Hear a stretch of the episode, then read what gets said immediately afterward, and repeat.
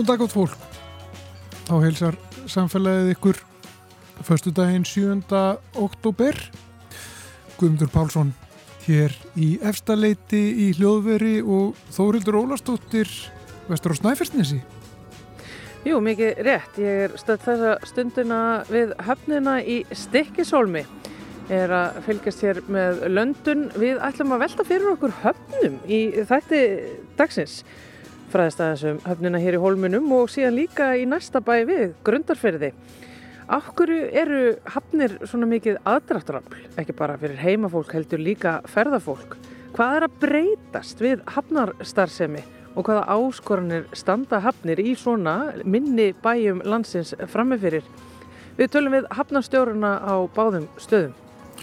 Á fymtudaginu næstu viku hefst ringborð Norðurslóða Arctic Circle í Hörpu og þessi risastóri viðburður er hugarfóstur Ólafs Ragnars Grímssonar og það eru málefni Norðurslóða í Brennidepli.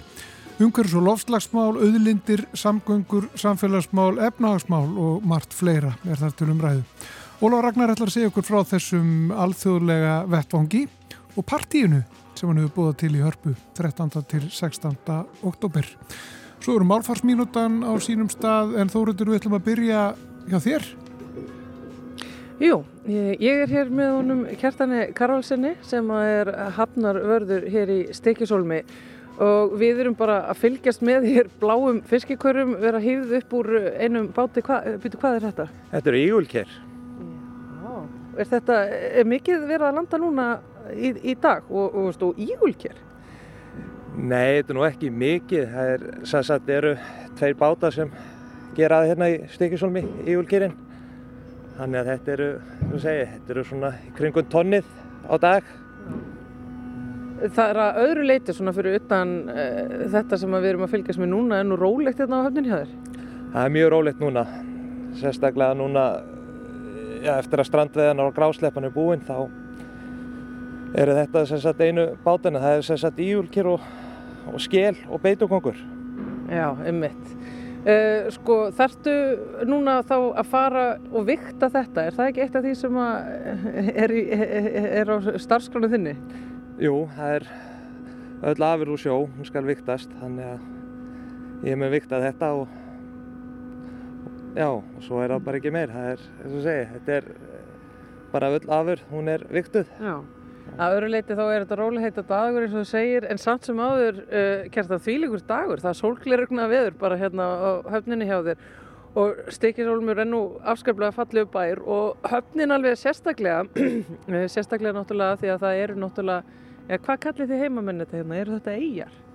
Herri já, þetta eru, þetta er súandi seg og hún segðs að var bara ein og sér hérna á sínu tíma en, en það var ákveð að byggja eða sem sagt gera veg út í. Já, hún var tengd við þá hún var bæinn. tengd við.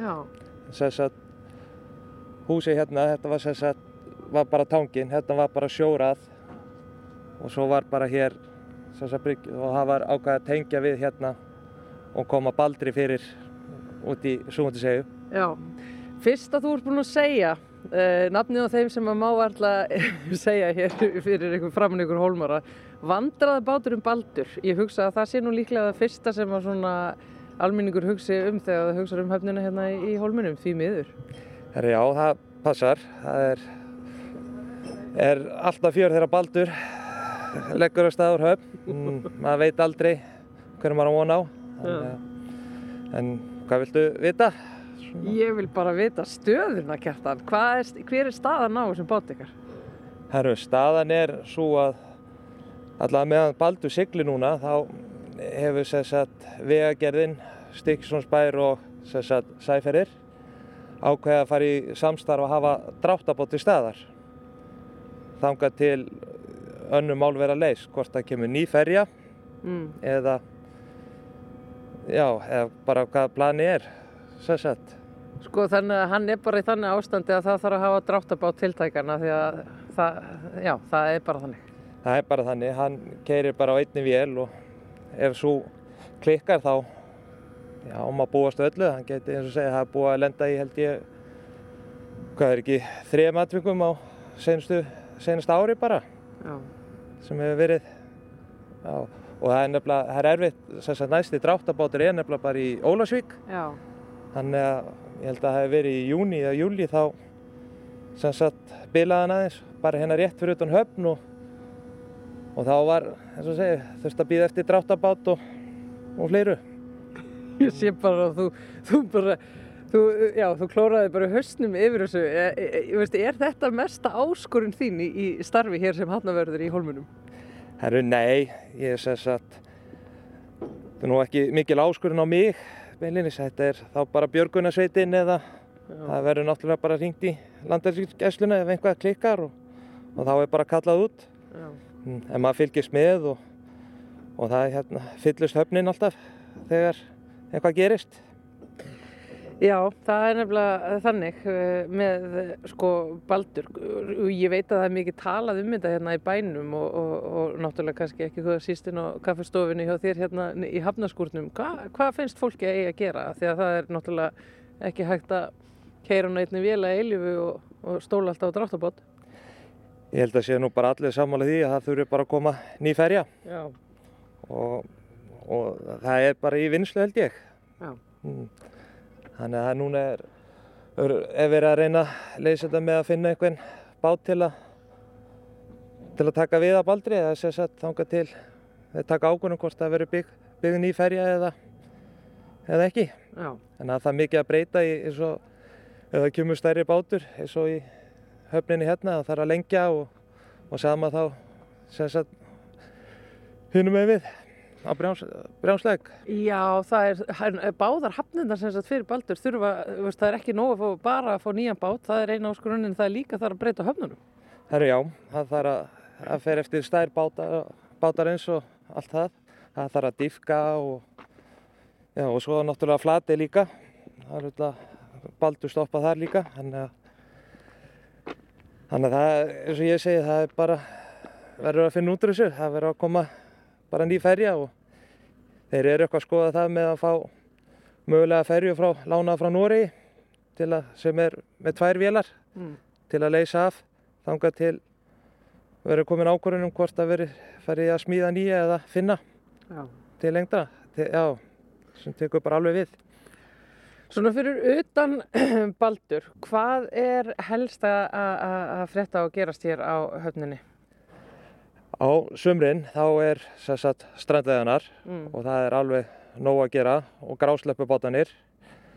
En svo er það skemmtifæraðinaðurinn, sem sagt skemmtifærabátanir sem bara er að aukast alveg gríðarlega mikið.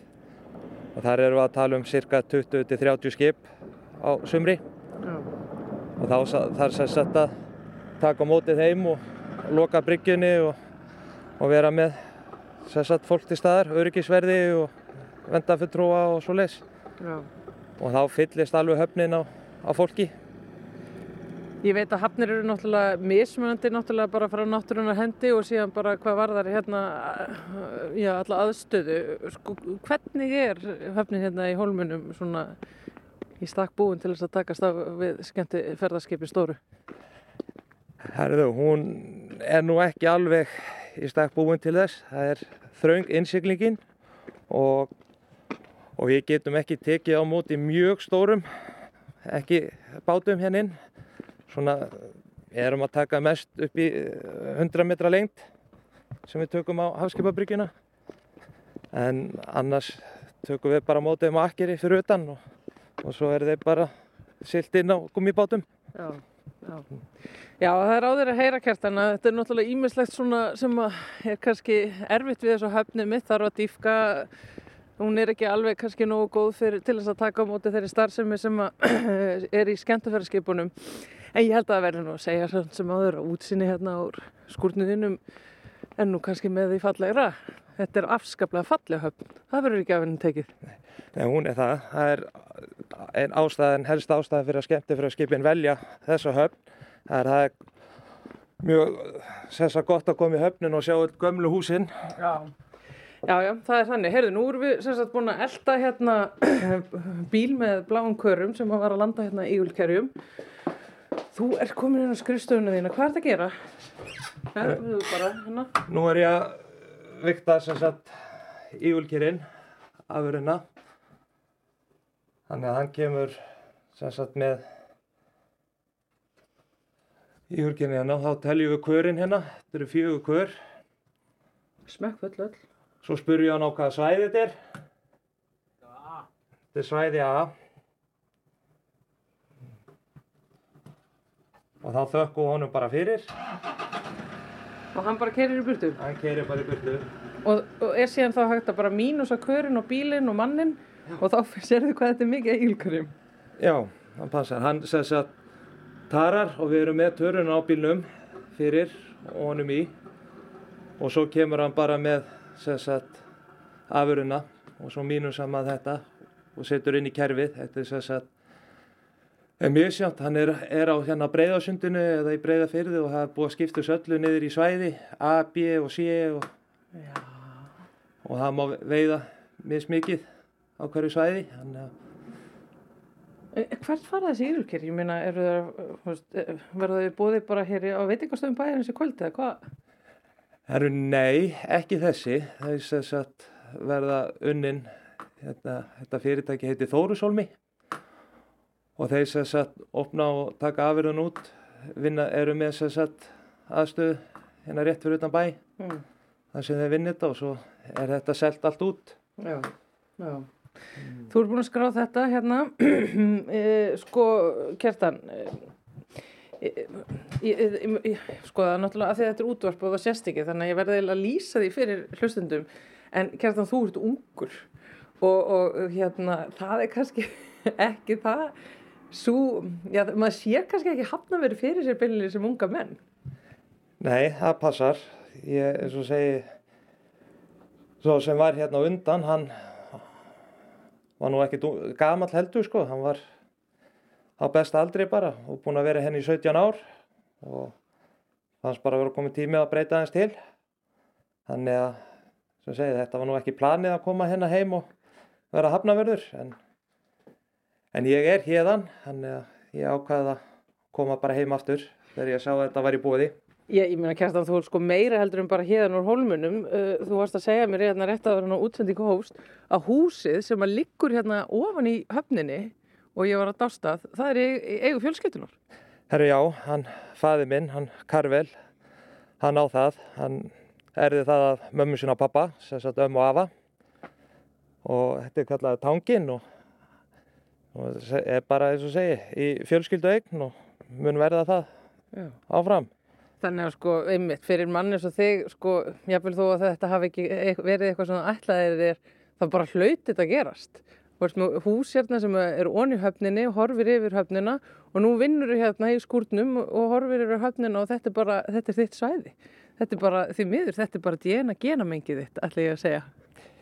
Já, það er, maður getur sagt það, ég náttúrulega vann hérna sem sömaraflýsingamæður fyrir hvað, 10-11 árum og var hérna í þrjú sömur, þannig að þetta er það skemmtilegsta sem ég hef unni við, Já. þannig að maður, eins og segi, maður leitar alltaf heim aftur.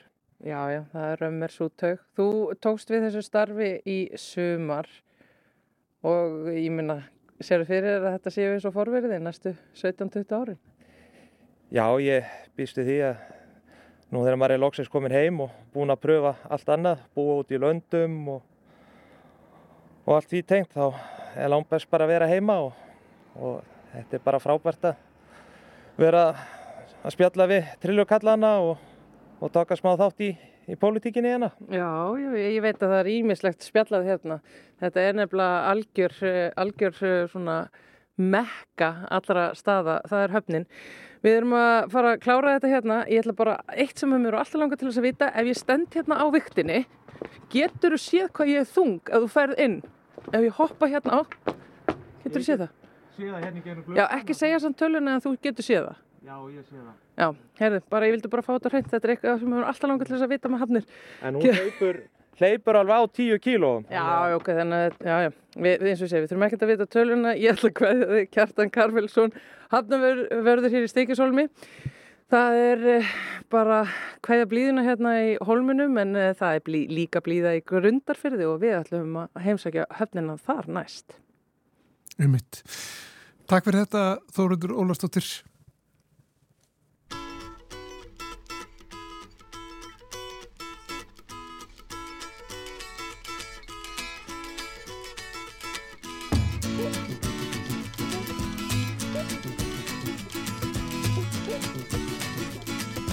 Mama pajama rolled out of bed and she ran to the police station. When the papa found out, he began to shout and he started the investigation. It's against the law.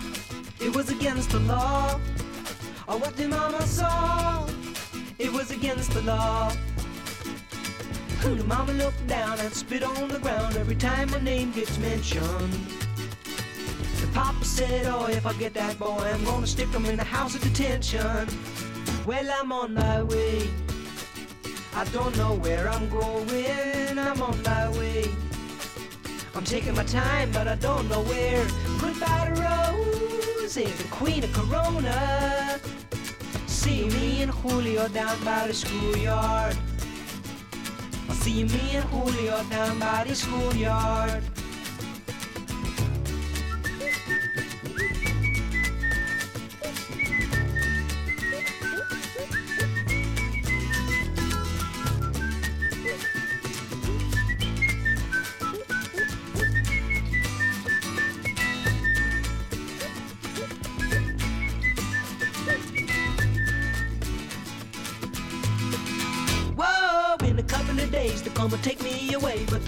The story leak.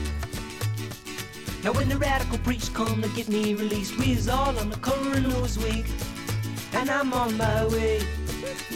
I don't know where I'm going, I'm on my way. I'm taking my time, but I don't know where. Goodbye to Rosie, the queen of Corona. See me and Julio down by the schoolyard. See me and Julio down by the schoolyard. See me and Julio down by the schoolyard.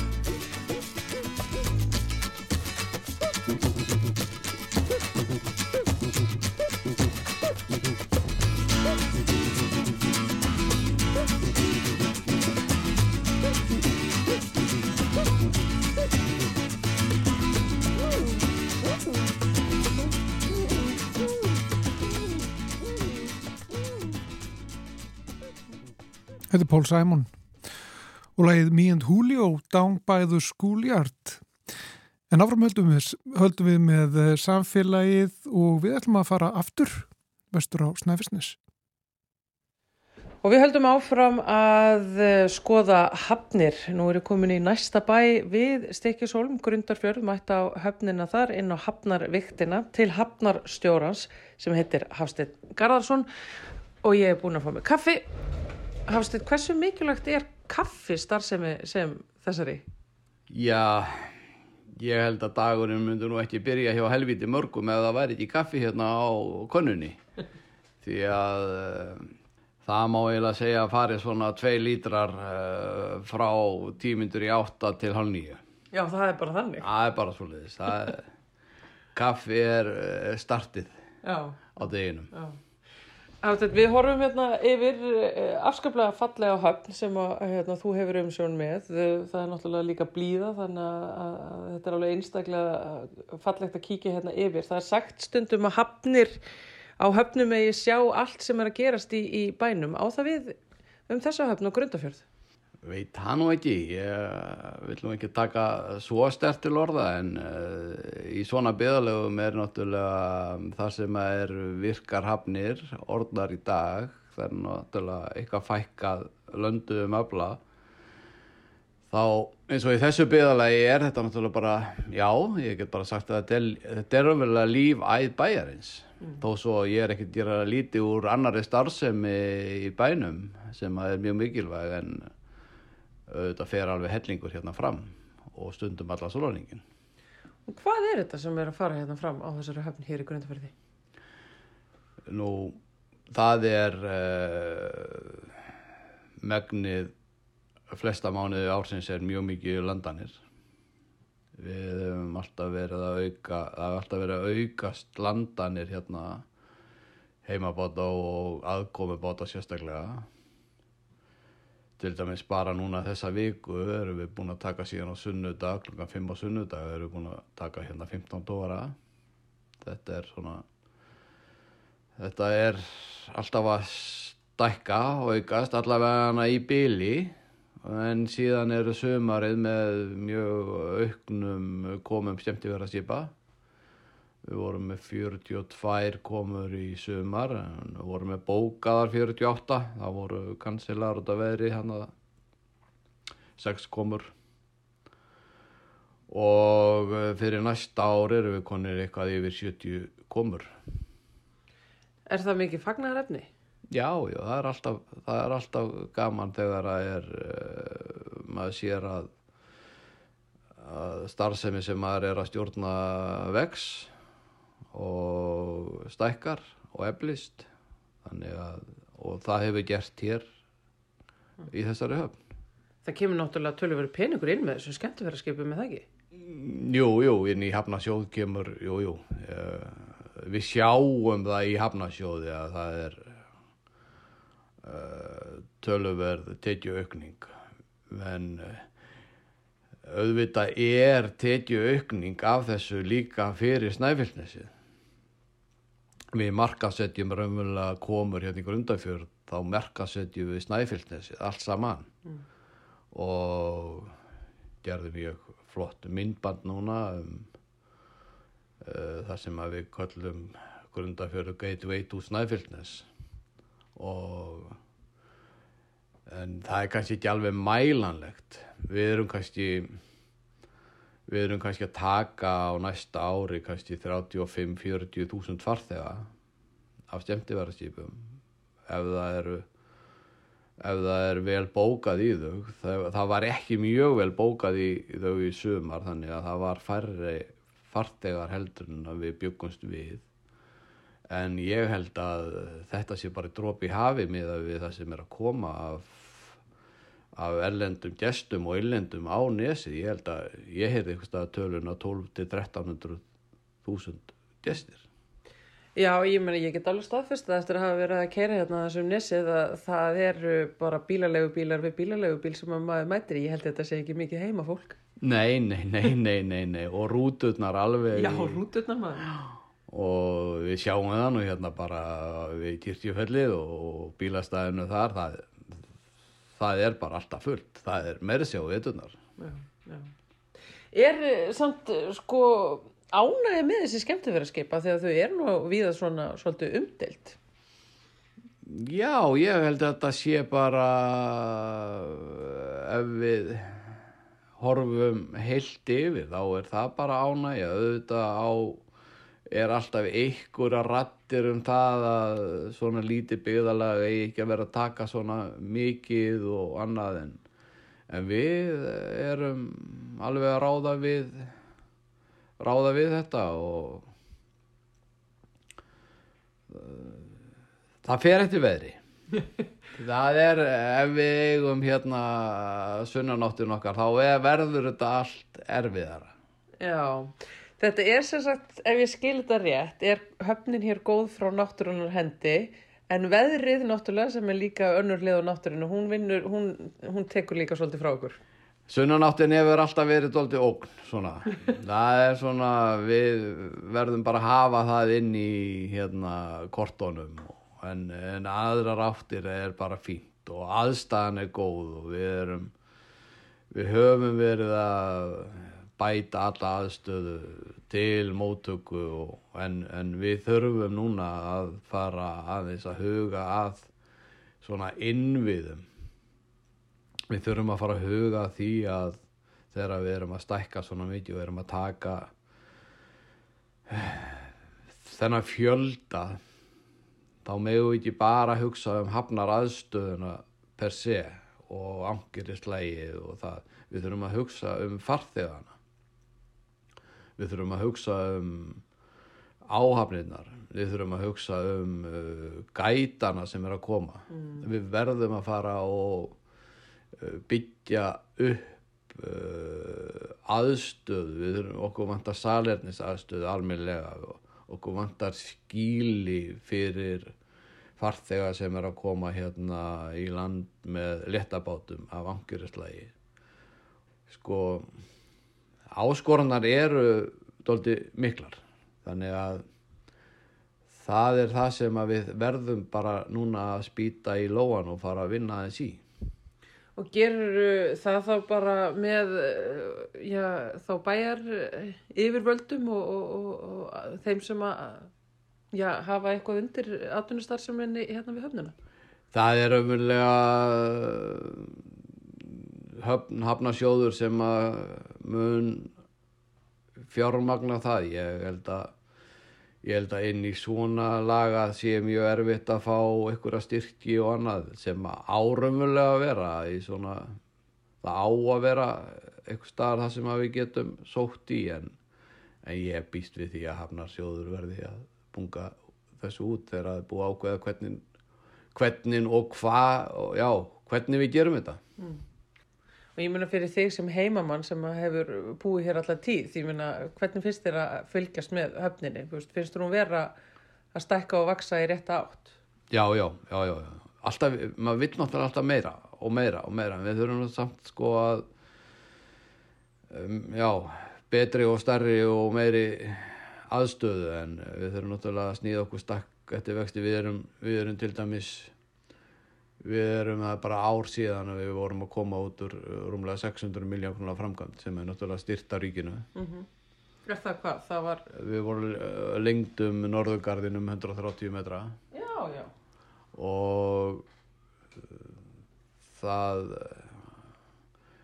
þar var 60% styrkhæfni frá hafnabótasjóði annars hefðu við aldrei geta gert þetta en uh, fyrir mitt leiti höfum við verið gengið rosalega samstega í það að ebla hérna hafnasvæðið og gera það bara gott og þetta er náttúrulega gert bara með tilstölan bæjar yfirvelda og, og, og, og ríki. já, já.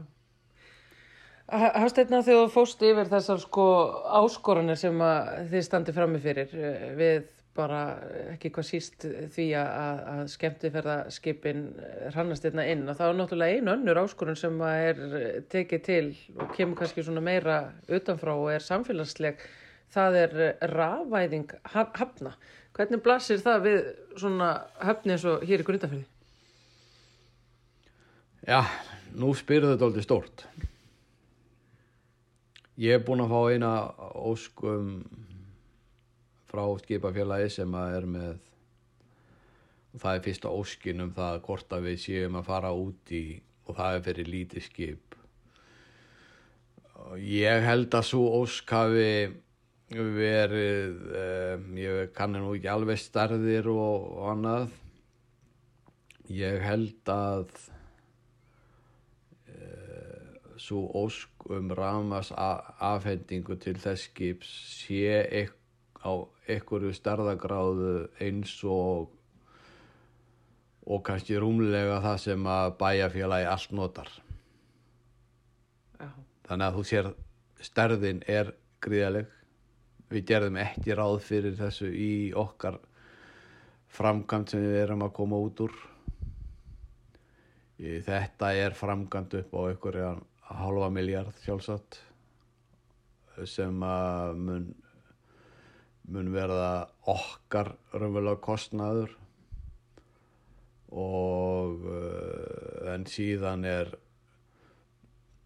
uh, sko kostnaður raunverulega rarik eða þeirra sem að afhenda okkur rafmagnið sjálfsagt miklu meira. Þannig að þetta þetta er dálítið stór biti og þetta er, þetta er bara of stór biti fyrir svona líti, litla höfn að mínum mati en, en réttlætanleg. Ég held að við verðum aðeins að fara hægar út í því að svona skreit okkur með því að við ætlum að rafvæða öll þessi skip.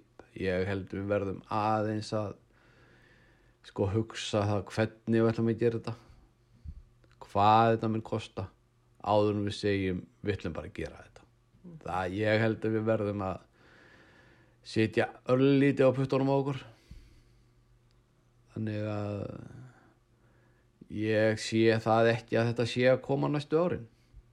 Eh, auðvitað þessar stóru hafnir eins og eru á höfuborgarsvæðinu og Akureyri sjálfsagt Ísafjörður þeir fara út í þetta.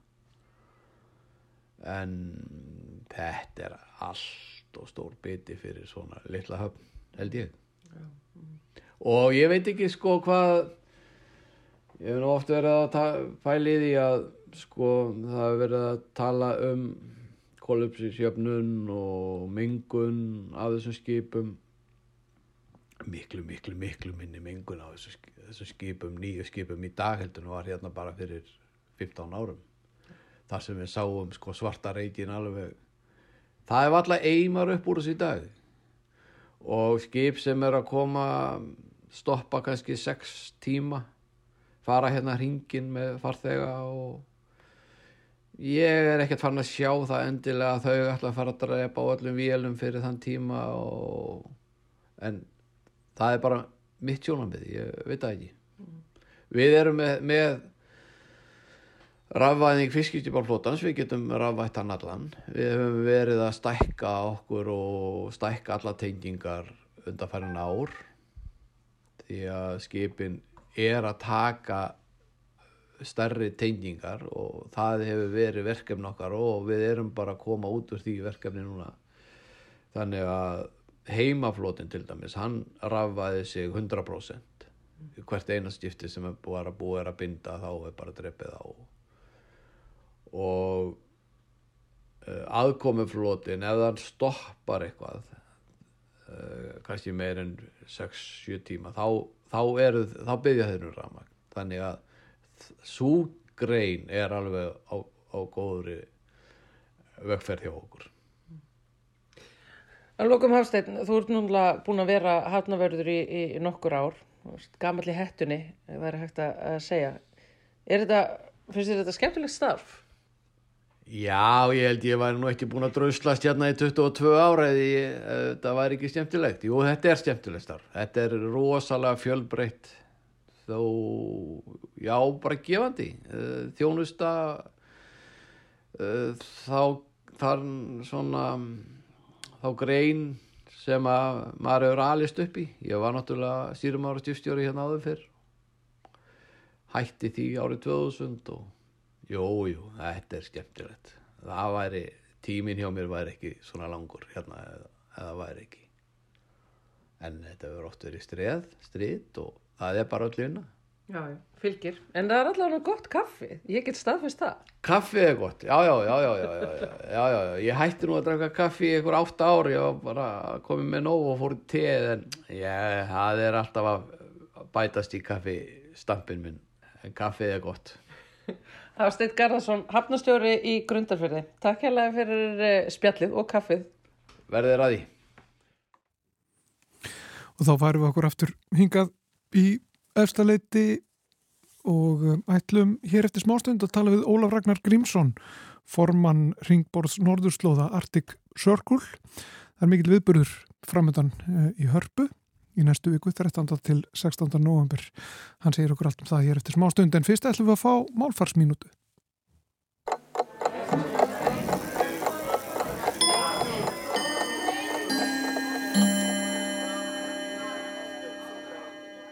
Orðið fang er merkilegt að því leiti að það getur verið jákvætt og neikvætt.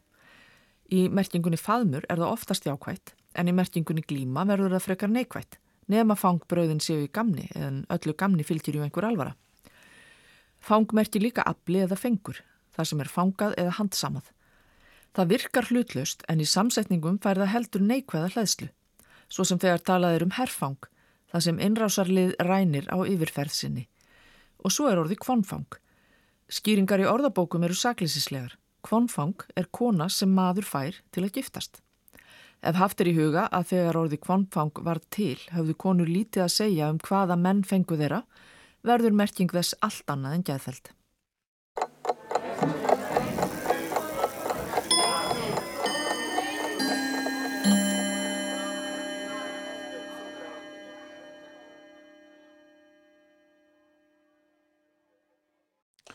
og þá eru sestur hjá mér Ólaf Ragnar Grímsson formaður Arctic Circle eða Ringborðs Norðurslóða, verður velkomin til okkar Þakka þið fyrir. um, Það er mikið í gangi núna fyrir að undirbúa heilmikinn viðburð kallið þetta ráðstefnu eða hva, hvað Nei, kallið við Arctic Circle? kollum þetta Þing, uh, Ringbóls Norðurslóða. eða assembly á ennsku vegna þess að Skipulæð er með þeim hætti að þarna kemur fjöldi fólks viðað úr veröldinni. Enn á ný verður þetta rúmlega 2000 manns frá kringum 60 löndum. Fórustu menn ríkja, stjórnendur, þekktara vísindastofnana, umhverfi samtaka, uh, atvinnulífs, uh, vísindamenn, frumbyggjar og aðrir og eh, ringborðið Arctic Circle er orðið nú einn af stæstu vettfangum Evrópu, árlegum vettfangum þar sem að svo fjöldþættur hópur af fólki fórustu fólki af ýmsum sviðum kemur saman. En svo heldum við líka þingi öðrum löndum Eh, fer kannski minna fyrir því umræðinu hér heima. Við heldum nýlega þing á Grænlandi um 400 manns frá 25 landum. Það var stæsta alþjóð samkoma í sögu Grænlands í náinn í samverðu við Ríkistjótt Grænlands og við höfum áðurhaldið slík þing í bandaríkjónum í Kanada, Breitlandi, Singapur, Kóru, Kína og það næsta verður í arabísku fyrstadæmunum Abu Dhabi í januar, eh, Tókjó í mars mm -hmm og snemma 2024 uh, í, uh, í, í Berlín. Já. Svo að uh, þingin hér á Íslandi ávallt í oktober er svona kjarnin í viðtæku neti þinga og samræðina sem að núna tegja sig í einar þrjár fjórar álfur og er orðin e, tvímaralaust stæsti og umfangsmesti alþjóðavettvangur umræðu um norðurslóðir og þar alveg líka um lofslagsbreytingar, reyna orku, vísindaransóknir, stöðu frumbyggja og fjölmarstana. Já, þetta er aldrei langt á milli Grænlands og saminuð arabísku fyrstættamana.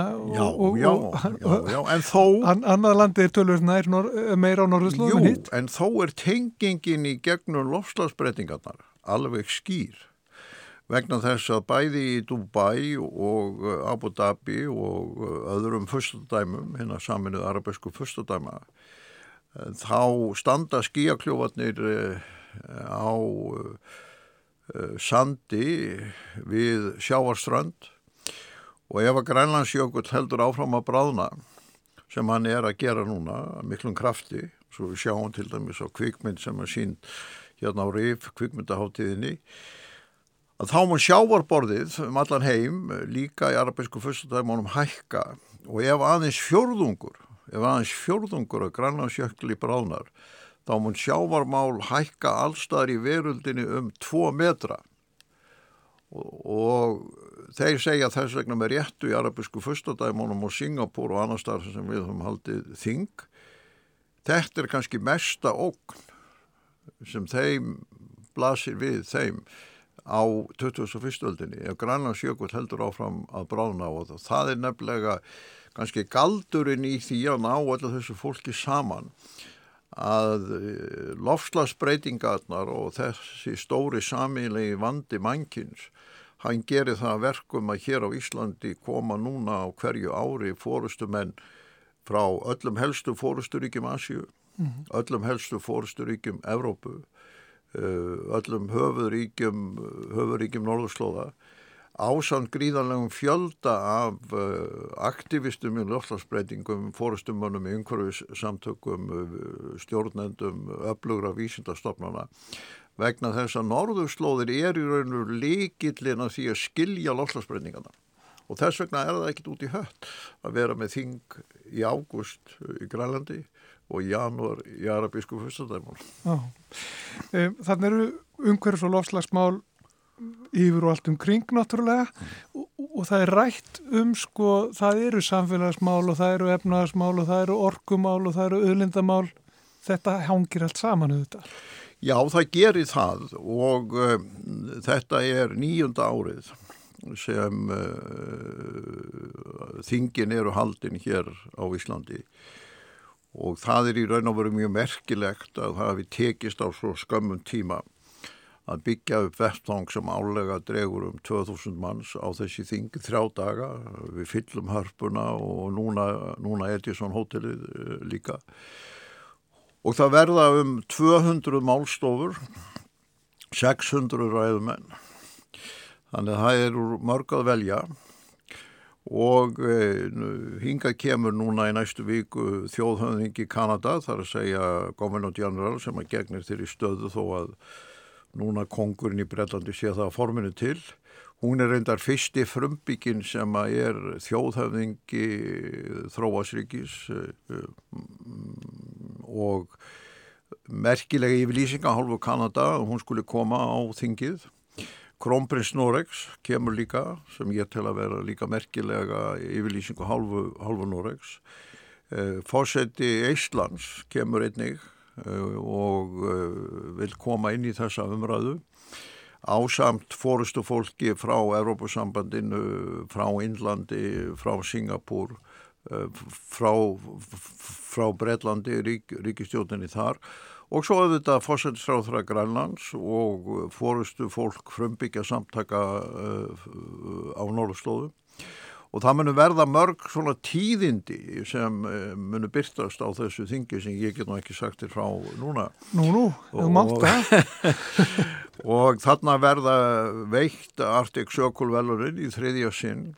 Fyrstu velurinn hlaut Banki Mún, frangatastjóri samlið þjóðana og síðan annu velunin hlaut John Kerry sem síðar varð eh, skömmi síðar eh, lofslagsfulltrúi fósetta bandaríkjana flutti stórmerkaræðu þegar hann tók við velunum sérstaklega í ljósi þess hvaðan beti hann tók við síðar.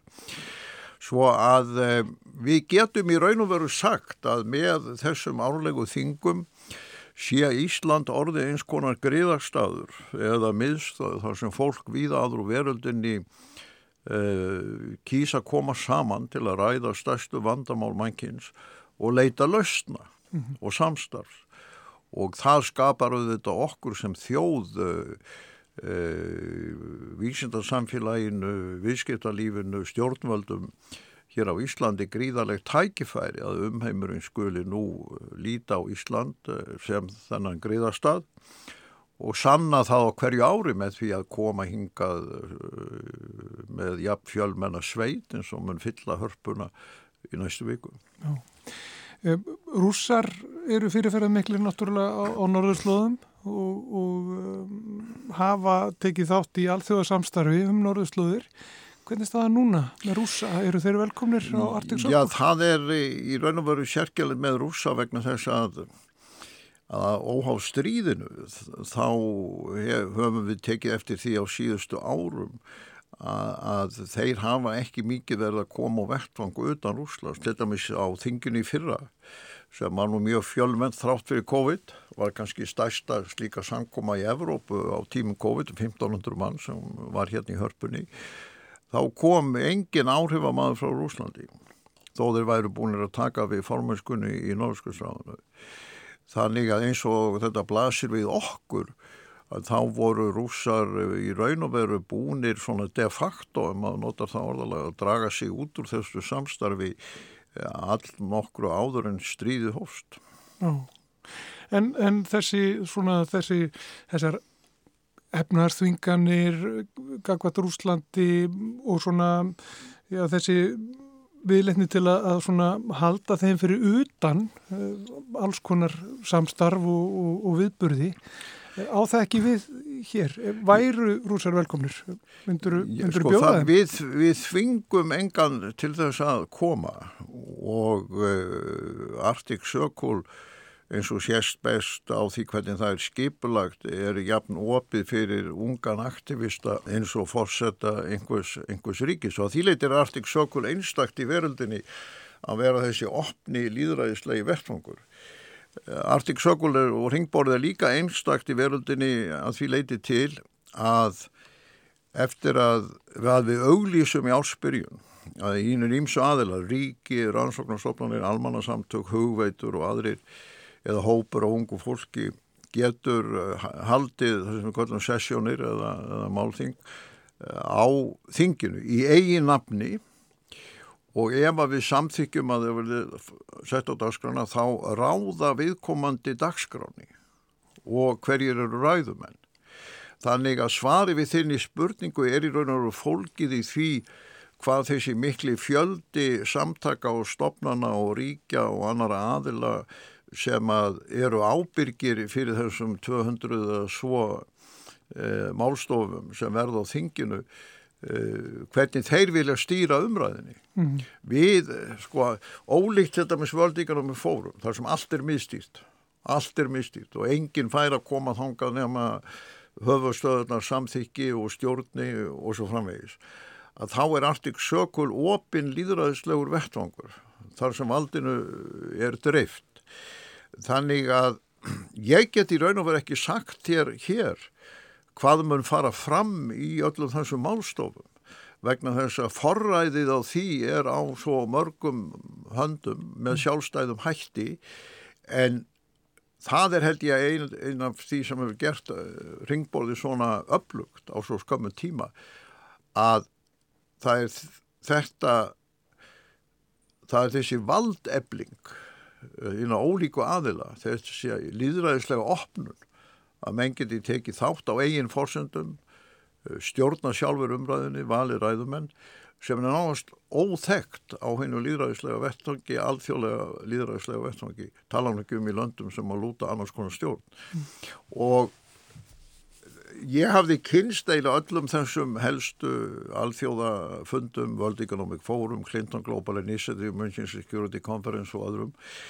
Þannig þegar ég var að móta Ringborg Norðurslóður fyrir tíu árun síðan, þá hugsaði ég ekki bara um Norðurslóður, heldur hugsaði líka við þurfum nýtt líðræðislegt mótel til þess að opna þáttökuna og, og dreifa ábyrðinni og uh, í raun og veru skapa verðtvang þann sem sérkver sem hefur einhvað að segja getur komið og, og flutt sitt mál. Þannig að þú verður eiginlega bara að mæta á þingið og fylgjast með því sem gerist þar til að fá svar við spurningunni. Aha. Og það er kannski líkillin að, að samtalenu er með þetta, að það sé þessi líðræðislega nálgun. Já, ég, ég held að það sé alveg rétt hjá þér og þetta var doldið merkilegt þegar við íttum eh, ringborðunum vör sem við gerðum reyndar á National Press Club í Washington í mæ 2013 eh, til að undistrykka þó að Circle ringborðið sé með seitt álega þing á Íslandi og skrifstón á Íslandi þá er það alþjóðlegu vettfangur. Það er alþjóðlegu vettfangur. Íslandi er svona sankomustöðurinn en, en Íslands stjórnmöld stjórnaði þess ekki. Og e, í fyrstu trúðum en ekki að, að kerfið og stjórnskiplægið á ringborðinu ætti raun og veru vera þannig að menn getur sjálfur ráðið málstofunum eftir að væri í prinsipunu búin að sam, samþykja þeir. Og það tók svona 2-3 ár til þess að alþjóðarsamfélagið áttaði sig á því, já, heyrðu þetta er bara í alvöru, þetta er bara í alvöru, við höfum bara fullt forræði yfir þessu sjálf ef það í prinsipinu búin að samþykja þessi málstofa verði uh, á dagskrá. Ég held að líkillin sé líka fólkin í því að okkur hefur tekist að skapa tröst hjá fjölmörgum ríkjum, fórusturíkjum, vitt og breyttum veröldina, öflugum vísindastofnunum, umhverfið samtökum og öðru og að það að skapa slíkt tröst, það er ekki einfalt. En það gerir það að verkum allir þessir aðra, hvort það eru fórsetar eða ráþerar eða þjóðhauðingir eins og sérð eða fórustum en almannasamtaka eða baróttusamtaka, þeir treysta því að á ringborðinu fái þeir að koma fram með sín sjónamið af þeim krafti og skilleika sem að þeir sjálfur kjósa. Og það að vinna sér þetta tröst, það hefur kannski verið aðal galdurinn. Og okkur hefur tekst það. Og það er mikilvægt að varveita það tröst áfram, vegna að það með nýtas Íslandi líka mjög vel. Það er ekkit mjög margi staður í veröldinni þar sem að, öll þessi fjölmennar sveit uh, er tilbúin að mæta á grundveldi trösts og við getum sagt Genf eh, þjónaði þeim tilgangi lengi varðandi afmóknunar viðræður og erfið svona pólitísk deilumál eins og fyrir miðausturlöndum. E, ef þú vilt tala um vískipti þá getur þú sagt að Wall Street eða City of London njóti slíks trösts í fjármála heiminum En hvað snertir umræðu um norðurslóðir, lofslagsbreytingar, reyna orku, samspilið við frumbyggjana og þessa miklu gerjun, þá er engin annan staður í veröldinni heldur en Ísland og Ringborðið þar sem menn eru reyðbúinir að koma í krafti þess tröst sem vettvangurinn hefur skapað sér. Þannig ég held að árangurinn annars vegar fólkin í, í skiplæinu og náttúrulega efnistáttunum líka vegna þeir, er, þeir brenna á allum þjóðum heims eins og við sögðum hérna í upphafi en líka er árangurinn afleiðing af því trösti sem okkur hefur tekist að skapa. Mm. Þetta er, þetta er, um, er viðburður sem er sko auglistur bara sem viðburður, bara hérna eins og hver annar viðburður í hörpu þannig ja. þú, þú hefur sjálfur bara um, já, það er þín rött sem, sem er notuð við, við að auglýsa uh, er það líka mikilvægt að fá almenning inn sko er, er þetta, þetta, já, er, þetta ekki... þessar auglýsingar það var nú aldrei ætlum mín að fara í auglýsingabransan en en í fyrra voru við náttúrulega í sérstökum anstæðum. Mm -hmm. Þá hefðu við orðið að fresta þinginu ári áður, COVID var ennþá í gangi. Eh, við erum að prófa alla sem kom inn í hörpuna og við settum upp eh, stöð í, í, í bílakjallaranum og það fekk engin að koma upp nefnum að vera prófaður. Og það var allir svona þrúaðir af, af uh, því sem hafði leiðið eins og mara á okkur missurinn á undan og þess vegna kom upp þessi hugmynd hjá þessu unga fólki sem stjórnar Circle og deiti dags. Það eigu ekki bara auglísa parti sem er reyndar alveg rétt í það er fullt af af móttökum og gleðskap og sangkvæmum sem að tengjast þessu þingifólku líka að koma til að hitta mann og annan og til að skemta sér ekki bara til þess að ræða alvarleg mál. Nú þau plötuðu mig til að tala einn á þessar auðlýsingar í fyrra og svo komaðu núna og sagði vildi ekki gera þetta aftur mm. og ég svona sló til en það er hins vegar rétt hjá þér að það var tvent sem við lögðum áherslu á e, þegar við íttum ringborðunum vörð og hvortökja var nýjung hvað snertir alþjóðafundi af þessu tægi. Það var annars vegar að laða að ungt fólk frá háskólum, umhverjusamtökum, aktivista og aðra og það hefur tekist alveg frábærlega og margir sem kom á þingin og sækja alls konar alþjóðlega þing og stórviðburði, þeir eru undrandi á því að sjá hvað er margt ungt fólk. Þeir, þeir eru ekki vanir því. Hitt var það að einhver hluti af sætunum væri opinn fyrir almenning vegna þess að við teljum að hinn hinn almenni borgari, ef ég má nota hugtak e, sérstaklega í skilningi líðræðisins sem hefur áhuga á þessum málum og áhyggjur af framtíð lofslagsins og framtíð jarðarina hann á líka geta komið og hlusta á umræður og borið fram spurningar. Þetta er ekki bara vettvanga fyrir sérfræðinga ráþera, embætismenn, stjórnenda fyrirtækja e- eða, eða almannasamtaka. Mm. Og þess vegna höfum við með þessum auglýsingum kosið að senda þann bóskap til Íslandinga, þið eru líka velkomin.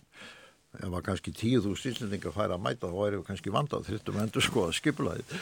En þessar tvær grunnreglur að vera ofin fyrir ungu fólki og að einhver hluti þáttakandana sé bara almenningur Það eru mikilvægar stóðir í þeirri líðræðislegu uppbyggingu sem við settum á ringborði strax í upphafi. Mm, þannig að þetta er ekki svona eh, fólk í, í fínu, fínu hönnunar jakkafötunum sínum og kjólunum Já, með, með kampavísklös að skála. Nei, nei, engungu. er eins og nei. þú getur séð bara, ef þú mætir þá sérðu hvað er gríðarlega mikil hluti af þáttangandum sem eru ungt fólk líka svona aðgerðarsinnar, aktivistar eh, fullróar frumbyggja auðvitað er einhverju jakkafötum að sjálfsögðu. En eh, ég meina að þetta er ekki snoppsamkoma nei, langt í frá eins og sumarsamkomur eru. séru til. Sko, ef þetta væri bara einhvað svona fif sem þú vart nú eiginlega að gefa til kynna það sé einhvað fif. Og að þá myndi ekki þessi fjöldi frá fórusturíkjum í Asíu, Evrópu og annar staðar í veraldinni, Bandaríkjum, Kanada, Breitlandi eh, koma hingað.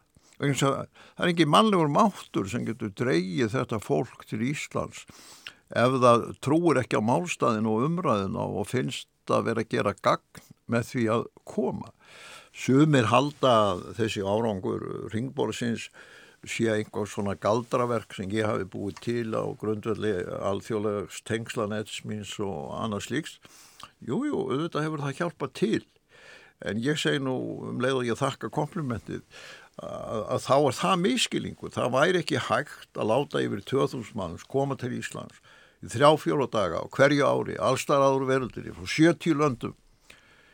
Ef það væri ekki þessi undiralda breytinga og oknar og þarfar á samræðu og samstarfi út um allan heim, eh, hinga koma fulltrúar, við nefndum arabísku fyrstadæmin sem dæmi, þeir væri ekki að koma hingað ef að þeir sæ ekki þarf á því. Lofslasaráðaneyti arabísku fyrstadæmana hefði ekki fyrir nokkru mánuðum staðfest formlegt samstarfi Arctic Circle um, um uh, jöklan á Himalæðasvæðin. Er þriðja pólinn eins og við köllum það hvernig lofslagsbreytingarnar er að ogna Índlandi, Pakistan, Bangladesh, Nepal, Bhutan, Kína og, og svo framvegis.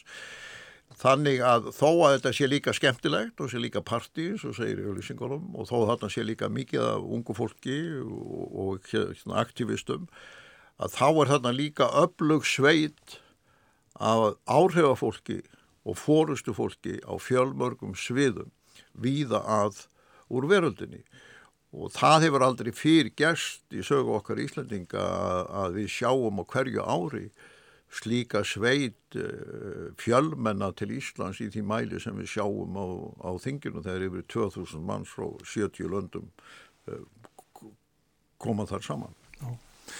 Óla Ragnar Grímsson, ég ætla að fara að hleypa þér á næsta fund, ég veit að það er mikið að gera við undirbúning Arctic Circle. Takk hjálpa fyrir komin og takk fyrir að gefa þið tíma uh, fyrir samfélagið. Og þannig ljúku við samfélaginu þessa vikuna. Guðmundur Pálsson hér í eftirleiti og Þórhildur Ólastóttir var uh, vestur á Snæfellsnesi í þætti dagsins. En við verum hér á sama tíma á mánudaginn heyrust á og njóti helgarinnar.